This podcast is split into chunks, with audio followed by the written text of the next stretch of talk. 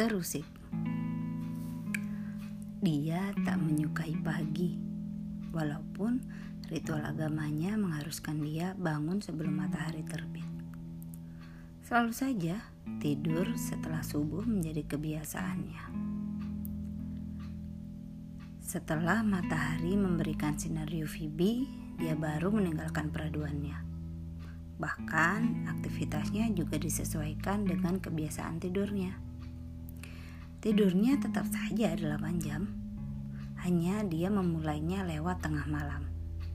Baginya pagi terlalu sayang jika dilewatkan tanpa tidur.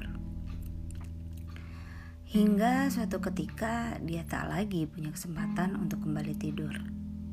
Dia harus terjaga hingga matahari terbit. Bahkan menjelang tengah hari. Tak mudah baginya. Emosinya terpengaruh. Dia mudah sekali marah dan lelah sesudahnya. Kantuknya datang lebih cepat. Pukul 9 malam, kelopak matanya mulai berat. Sepertinya tarikan gravitasi lebih kuat terhadap kelopak mata seiring dengan beranjaknya malam. Mau tidak mau, dia harus segera tidur. Perlahan ritme hidupnya berubah. Waktu tidurnya tetap 8 jam. Hanya dia memulainya jauh lebih awal. Bahkan dia sudah tertidur saat restoran dekat rumahnya masih menerima pesanan makan malam. Pagi pun mulai menjadi temannya.